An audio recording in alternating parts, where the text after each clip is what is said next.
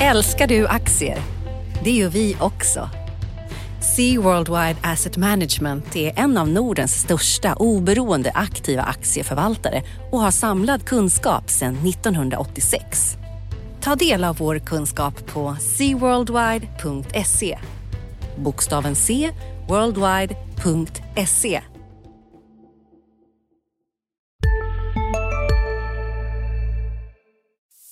Som prenumerant på Dagens Industri får du tillgång till börsanalyser i världsklass.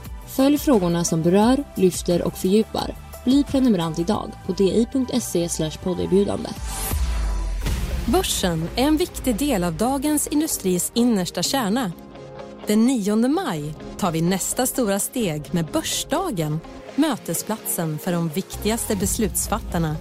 Vi avhandlar trender, den ekonomiska utvecklingen företagsklimat och politiska förutsättningar för börsklimatet på kort och lång sikt. Möt bland andra finansminister Magdalena Andersson, Christer Gardell, VD Sevian och Marie Erling, styrelseordförande Telia. Säkra din plats för att vara med och diskutera ämnen som börsklimat 2019 och framåt, innovation och internationell konkurrens hållbarhet, långsiktighet och lönsamhet. Börsdagen den 9 maj. Läs mer och säkra din plats på di.se konferens. Analyspodden från Dagens Industri.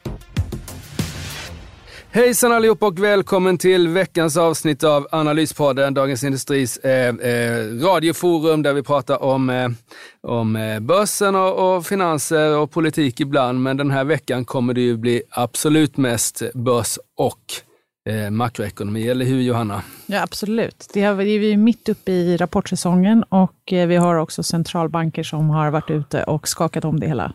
Det har vi, så det blir ett extra långt avsnitt idag, eller? jag tycker vi rappar på. Ska vi börja med veckan som varit? För vad händer egentligen? Vad, hur kan man, vad är viktigast hittills i rapportsäsongen?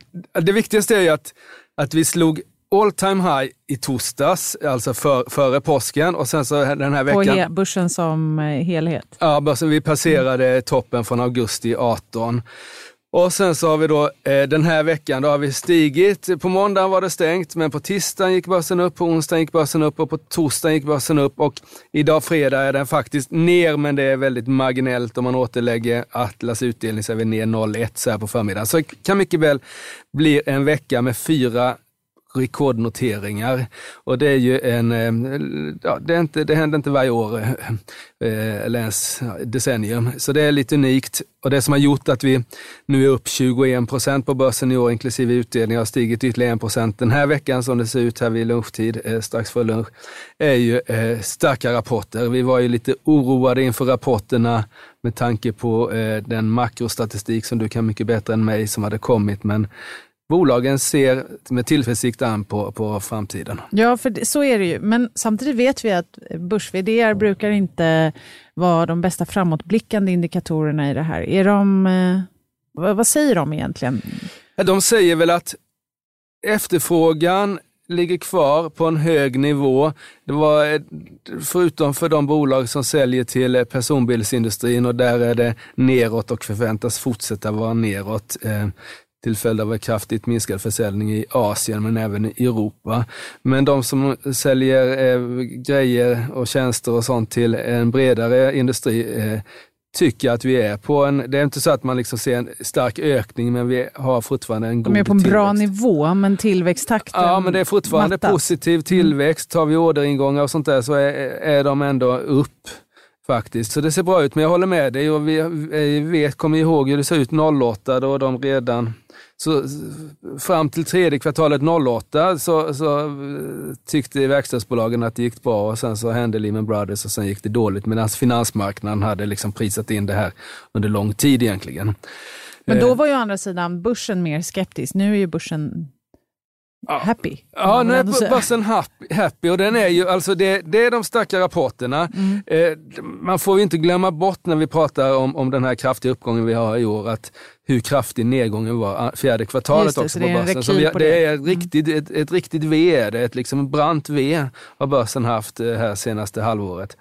Eh, och jag tror att jag tror att din, din del av, av verkligheten, det vill säga makroekonomin och räntor och valutor har hjälpt till här också. Att man såg ja, precis, på... för, för det var det jag skulle säga. Är det bara starka rapporter? För är de verkligen så entydigt starka?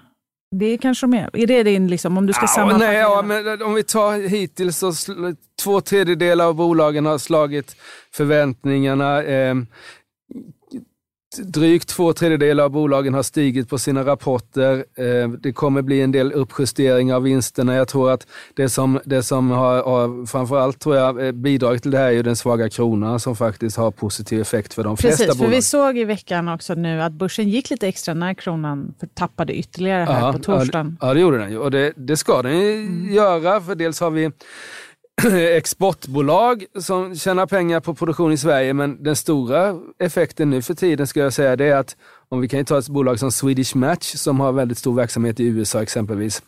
Eh, och deras amerikanska vinster när de räk, räknar om dem där till svenska kronor så har det en växlingseffekt som är ganska rejäl. Man ser ju hur, hur mycket kronan har, den växlingseffekten har slagit på omsättningsökningarna. Som det är en 6, 7, 8 procent på många bolag det här kvartalet. Ja, och kronan är väldigt svag. Alltså tittar vi på eh, mot euron så är det den svagaste nivån sedan, 20, alltså finanskrisen, absolut. Och den var till och med ännu svagare mm. direkt efter Riksbankens räntebesked i veckan. Och eh, mot dollarn är den svagaste nivån sedan början av eh, millenniet. Och eh, handelsvägt, KIX-index, så är det mm. faktiskt på den svagaste nivån, då, igår, den svagaste nivån sedan man Ja, sen början av det här indexet och då är det då mätt mot en rad olika valutor. Och, och, och då, Johanna, var, varför är den det?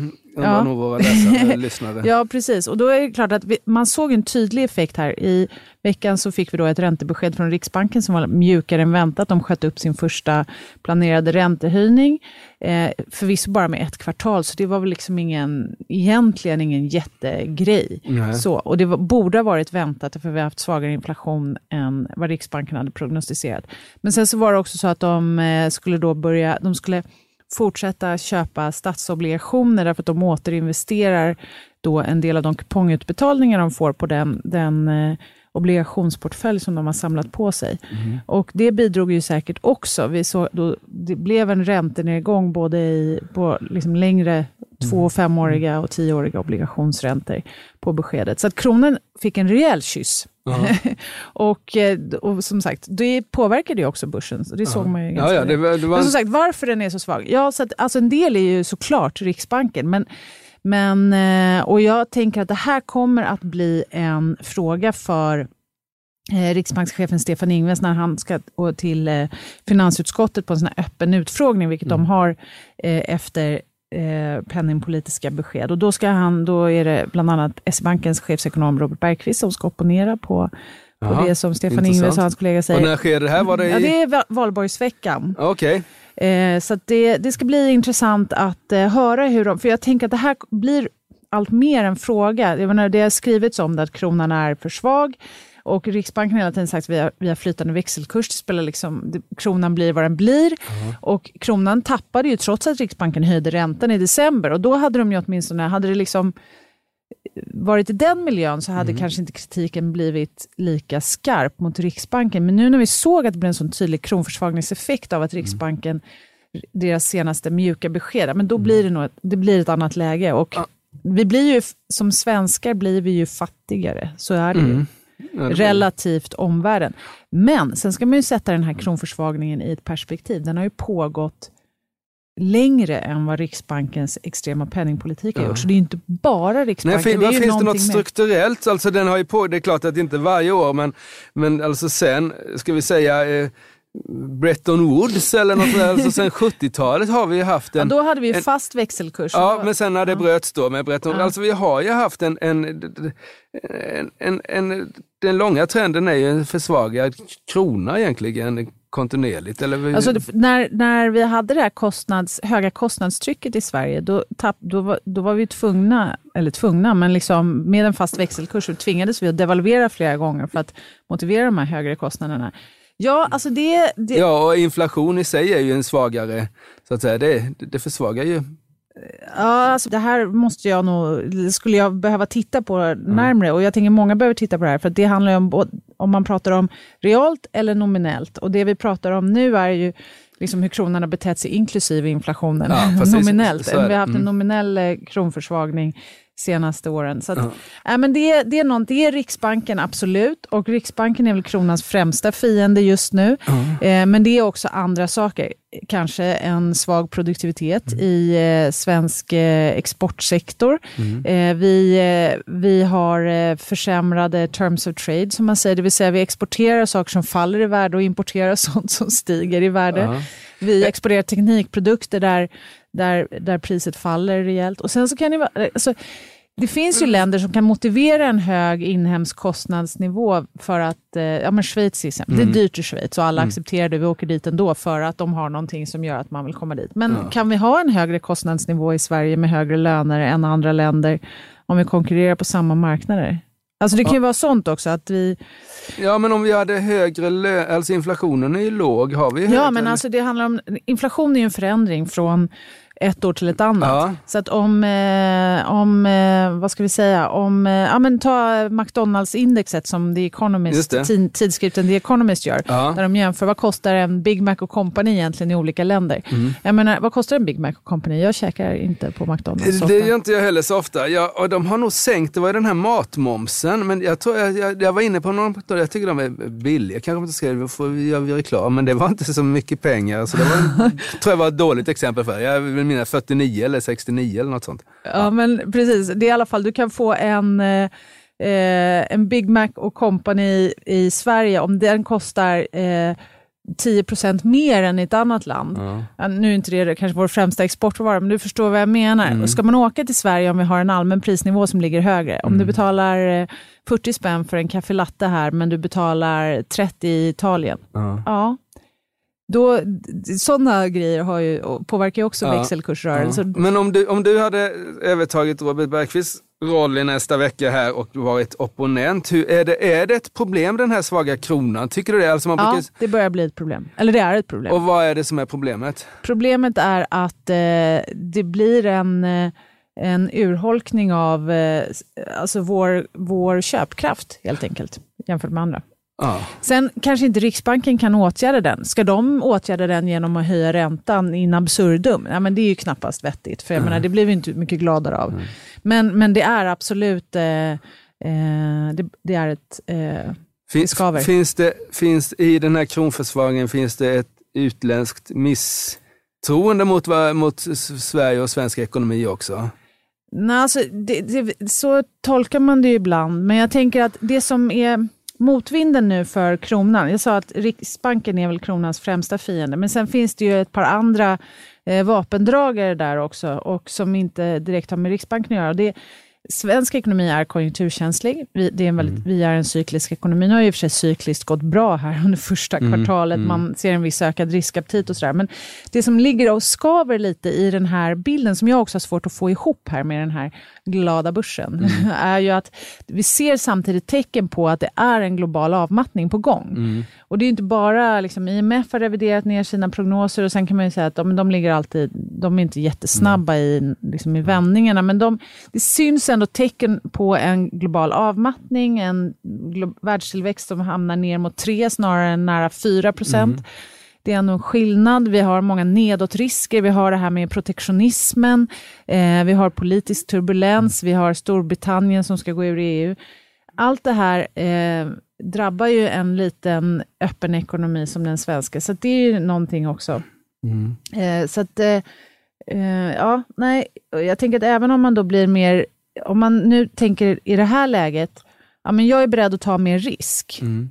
Ska jag köpa då, eh, liksom, vad, vad, vill man ha? Ett land som är etablerat, på etablerade marknader som hänger tätt ihop med Tyskland, där konjunkturindikatorerna mm. har varit supersvaga sista tiden. Eh, vi hade, I veckan hade vi IFO-index som sjönk oväntat. Mm. Efter bara ett litet uppåthack senaste gången så sjönk det oväntat igen. Så det, tysk industri hackar betänkligt och Sverige är väldigt beroende av mm. Tyskland. Nej, men det är inte heller ett, Eh, ett bra tecken. Och det, det, det, här skulle jag vilja veta, liksom, hur, hur ser man på det här? För att egentligen under hela 2018 för så, så var ju liksom industriindikatorer var på väg ner. Mm. Och sen kom den här liksom, lite ett Wiley E. Coyote moment, ni vet den här eh, prärievargen som, blir, som ska jaga strutsen i eh, amerikanska öknen. Och så springer han och så springer han ut för eh, berget och så står han och vevar i luften innan mm. han inser att han är i luften och först när han inser det så faller han ner. Ja, men lite ett sånt ögonblick var det för, ja, för alltså, börsen kanske i slutet av 2018. Nej, börsen är ju ett, ibland ett svårtolkat djur då. Jag vet inte om det är en prärievarg men det är väl något slags djur är det. Och vi får inte glömma bort att den här ränt, ränteeffekten på börsen, alltså, alltså det finns ändå, du kan välja vad du ska investera dina pengar i och räntan, är ju, alltså, räntan styr ju värdet på, på börsen eftersom det avgör. Räntan och fram, alltså hur man diskonterar framtida ja, vinster. Av, av, mm. ja, avkastningskravet mm. helt enkelt som vi då kan sänka på aktier om vi inte har någon ränta så att säga på, på andra investeringar. Och det har ju gjort jättemycket på värderingen. För ett sånt här räntejusterat så är börsen fortfarande billig trots att den vad det gäller så att säga vanliga P tal ligger åt det höga hållet. Men det är klart att om du inte, du får ändå, även om direktavkastningen på börsen har gått ner lite grann, så är det en 3 som du får i årlig utdelning om, det, om bolagen håller i sin utdelning. Och det var ju liksom själva grejen här under förra rapportperioden när utdelningsbeskeden kom. Det var att de var väldigt måna, förutom Lundberg egentligen, om att ge marknaden eh, höga utdelningar. Och det är klart att det är ju då finns det inte så många andra ställen för investerare att vara på. Eh, Eh, och då är det nog det som gör det snarare än att vi ser ska vi säga, kraftigt stigande vinster här. Men vi ser ändå en, en vinstuppgång på eh, ska vi säga 5, 7, 8 procent på börsen. Och räntor, en femårsränta i Sverige som ligger på minus 0,3. Det är klart att då behöver vi inte öka värderingen. Sista dagarna nu på vårens stora season sale. Passa på att göra sommarfint hemma, både inne och ute och fynda till fantastiska priser. Måndagen den 6 maj avslutar vi med Kvällsöppet i 21. Välkommen till Mio.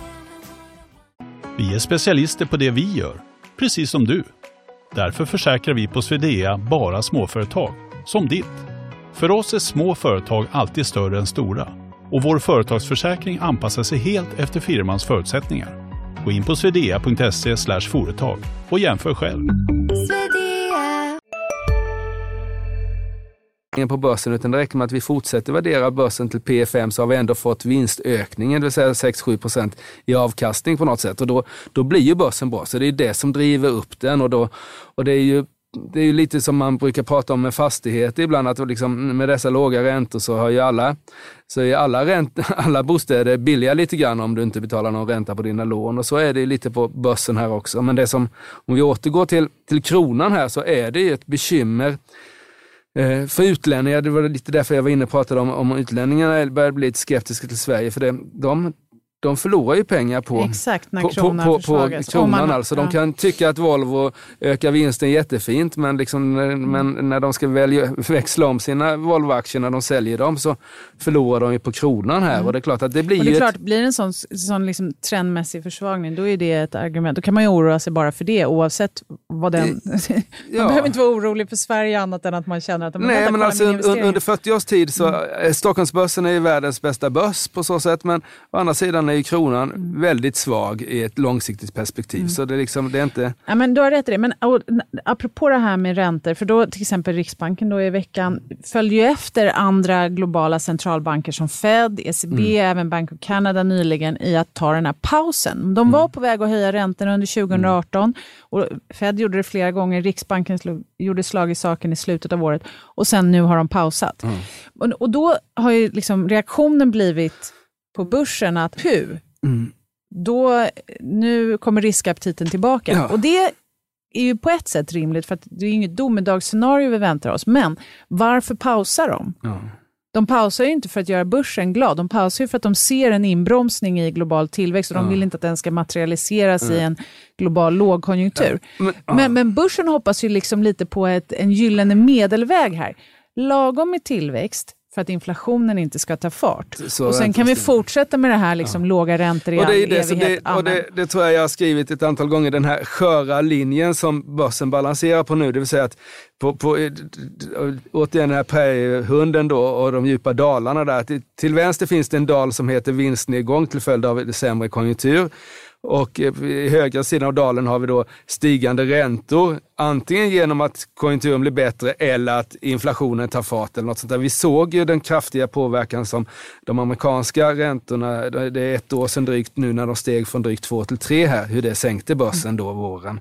Ja, precis. Och sen såg vi hur börsen sänktes också under oktober och då var ju inte räntorna som gjorde det utan det var ju sämre konjunkturutsikter. Mm. Men nu är det en perfekt miljö då för mm. börsen. Men den här smala stigen, kan man inte säga att den på vänster sida, precis som du säger, där har vi liksom en mer ordentlig sättning i konjunkturen vi ska ändå notera att inköpschefsindex i Tyskland till exempel har ju legat under 50, liksom nära 45. Och det är ja, men då är du inne på industrin. Det är också någonting. För tar, ja, du, tar du den hel, hela tyska ekonomin så tror jag den är över 50 fortfarande på, ja, på och PMI. Det är en bra, vi kan komma tillbaka till det, men i alla fall en mer ordentlig sättning mm. i konjunkturen. Mm. Eh, och den är inte, vad, jag, vad jag ville säga med det var egentligen bara att den, det är ingen orimlig prognos. Men sen på högra sidan kan man ju tänka sig att det är någon slags marginal eller krympande vinster överhuvudtaget. Det kan vara högre räntor, det kan vara högre inflation mm. eller, och det kan vara högre löner som äter upp marginaler och annat.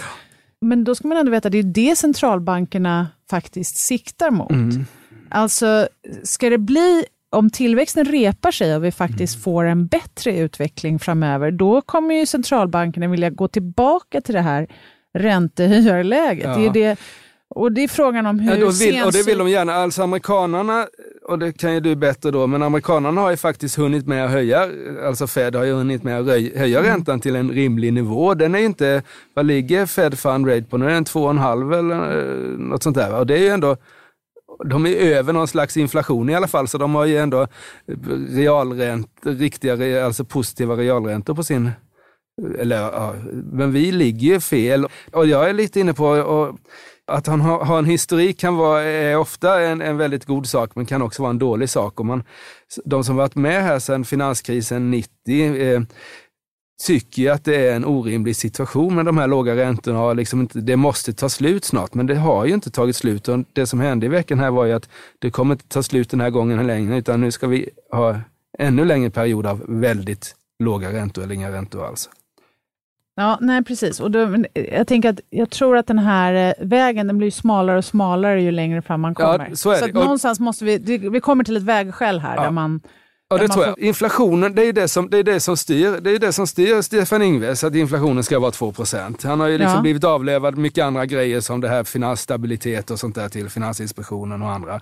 Så det har ju blivit tydligare. Han pratar inte lika länge som han för ett antal år sedan så brukade det vara med de här eh, fastighetspriser och utlåning och sånt där. Och det nämner han ju förstås när han chattar det här med våra läsare. Men det, fortfarande, det liksom blir mindre och mindre av de där varningssignalerna och mer och mer 2 inflation. Ja, alltså, precis. Det är ju trots allt deras uppgift. Sen kan man ju liksom gnälla över det. Men det vore ju konstigt om... Alltså, det är trots allt det de är satta för ja, att precis, göra. För de har, ju, de har ju inte något annat. Det här att, att liksom hålla, hålla lånemarknaden i schack är ju mm. inte deras grej, deras uppgift längre. Det, är det, det, är det som har hänt och där någon gång så kommer ju smällen av den här politiken vi har fört i tio års tid. Den, den måste ju komma någonstans. Du menar i Sverige? Eller Nej, i hela världen eh, tycker jag. Liksom, eh, kanske framförallt i Sverige. För Va, vi... Men vad är det för smäll? Att vi har lånat för mycket? Nej, men att man inte... Alltså att en sån här låg ränta, alltså vi bygger in där det inte krävs särskilt mycket för att det ska gå snett. Alltså det är väl många som inte klarar 4% ränta nu. Det var liksom normalläget bara. Alltså, Alltså ekonomin är ju mer räntekänslig, ja. så är det ju. Men det behöver ju inte betyda att det ska bli en smäll. alltså, det, nej, men jag förstår vad du menar, men ja. jag tror att mycket av det här, det kanske det värsta ärret av finanskrisen är att alla går omkring och väntar, som var med då, väntar lite på att det ska bli samma smäll igen. Ja, så, så behöver det inte vara, nej. men däremot så är det den här otroligt sega återhämtningen och liksom att det ska gå så långsamt. Jag, men, men som sagt, men som sagt stigen blir är, smalare. Ja, något som är lite intressant tycker jag, som vi pratade om innan vi satte på eh, på knappen här, det var ju löneökningar och sånt. I dagens stora händelse, förutom rapportfloden, är ju då SAS-strejken eh, som utgår ifrån att, eh, ja, det varierar siffror här, men den, den, utgår, den, eh, den grundas i löneförhandlingen helt enkelt. Kan det där vara något som kommer sent, att vi får upp inflationen till följd av att vi får högre Det är alltid så att arbetsmarknaden är sent i cykeln. Och det vi ser i makroindikatorer är ju att vi är sent i cykeln. Vi Mm. har en avmattning Mm. och vi har ett stigande lönetryck. Faktiskt inte bara i USA. Det är, inte, det är liksom ingen, eh, ingen explosion i lönerna, men vi har ett gradvis stigande lönetryck, men det har gått långsammare än vad många Mm. hade förväntat sig. Men vi ser det faktiskt till och med även i euroområdet. Det är Mm. någonting som ECB har pratat om. Samtidigt så ser vi då i tidiga ekonomier som den svenska av olika skäl också liksom begynnande tecken på att arbetslösheten faktiskt är på väg att vända upp. Ja.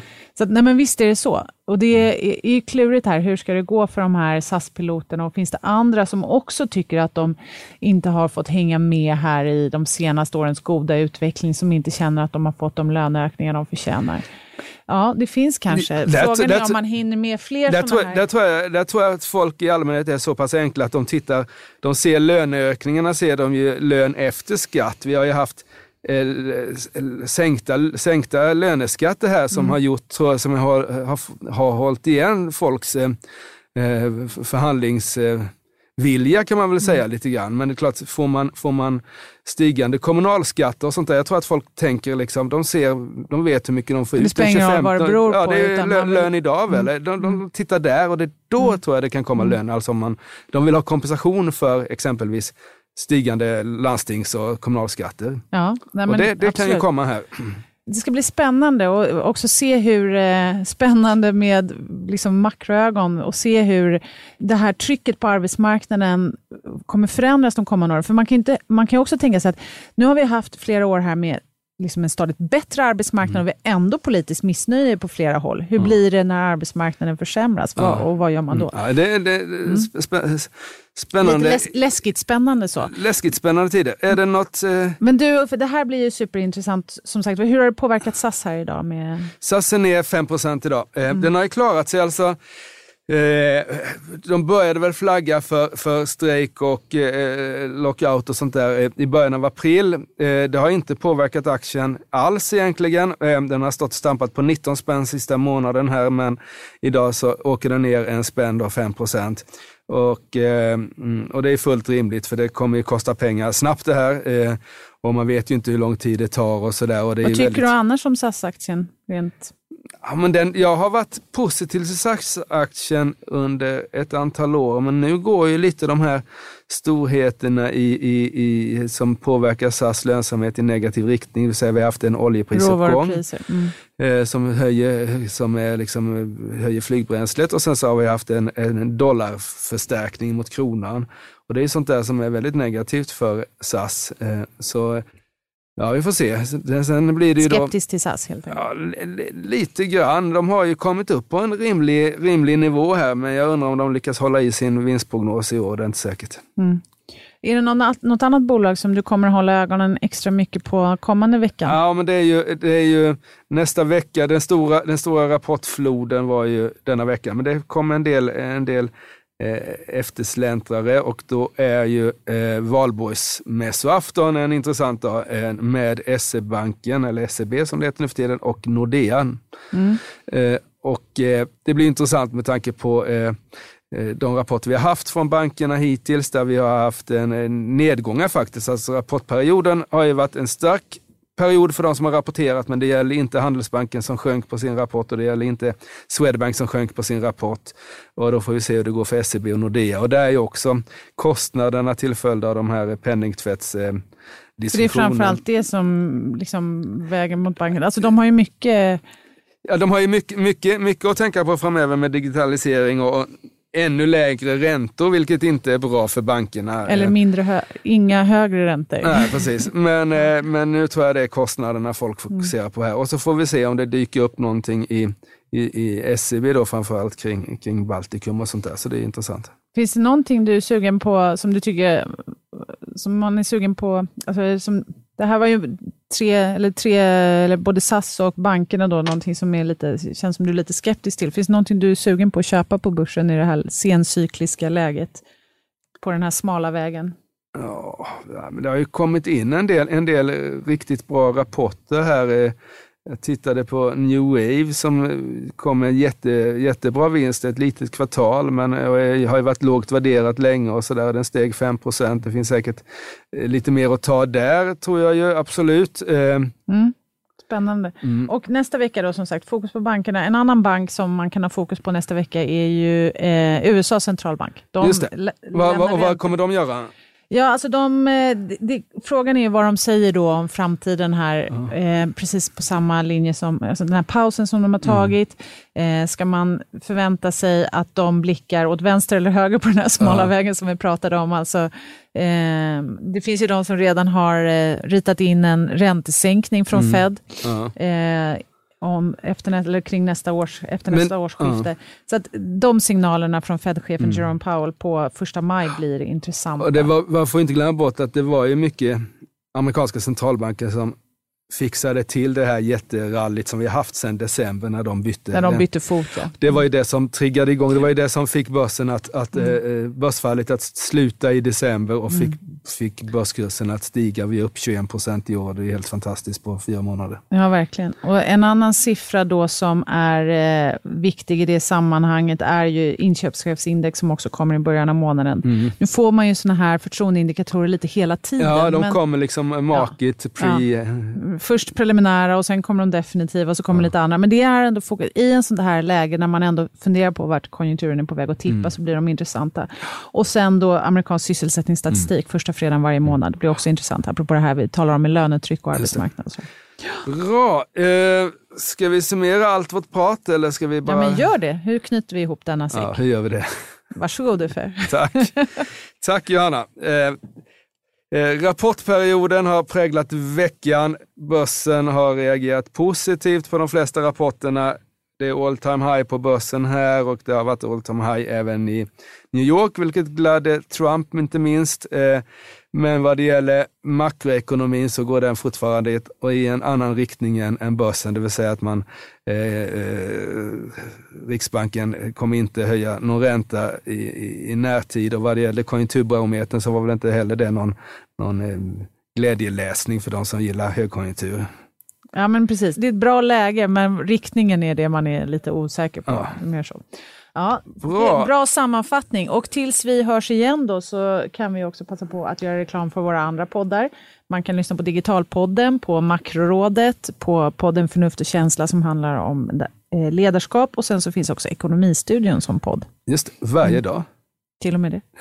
Bra, och eh, eh, så får ni ta och ha en skön helg här också. Det är fantastiska veckor här. Man hinner inte jobba innan man ska vara ledig, för nu är det snart valborg och första maj. Så och sen kommer alla, all makrostatistik. Ja, toppen. Trevlig helg. Tack och hej. Analyspodden från Dagens Industri. Programmet redigerades av Umami Produktion. Ansvarig utgivare Peter Fellman. Börsen är en viktig del av Dagens Industris innersta kärna. Den 9 maj tar vi nästa stora steg med Börsdagen mötesplatsen för de viktigaste beslutsfattarna. Vi avhandlar trender, den ekonomiska utvecklingen, företagsklimat och politiska förutsättningar för börsklimatet på kort och lång sikt. Möt bland andra finansminister Magdalena Andersson, Christer Gardell, VD Sevian och Marie Erling, styrelseordförande Telia.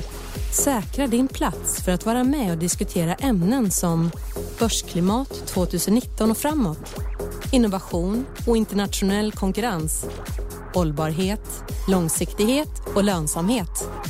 Börsdagen den 9 maj. Läs mer och säkra din plats på di.se konferens.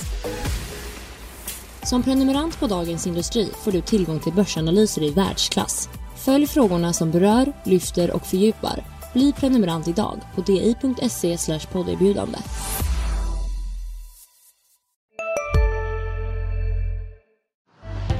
Älskar du aktier? Det gör vi också. Sea Worldwide Asset Management är en av Nordens största oberoende aktiva aktieförvaltare och har samlad kunskap sedan 1986. Ta del av vår kunskap på seaworldwide.se. Bokstaven C, worldwide.se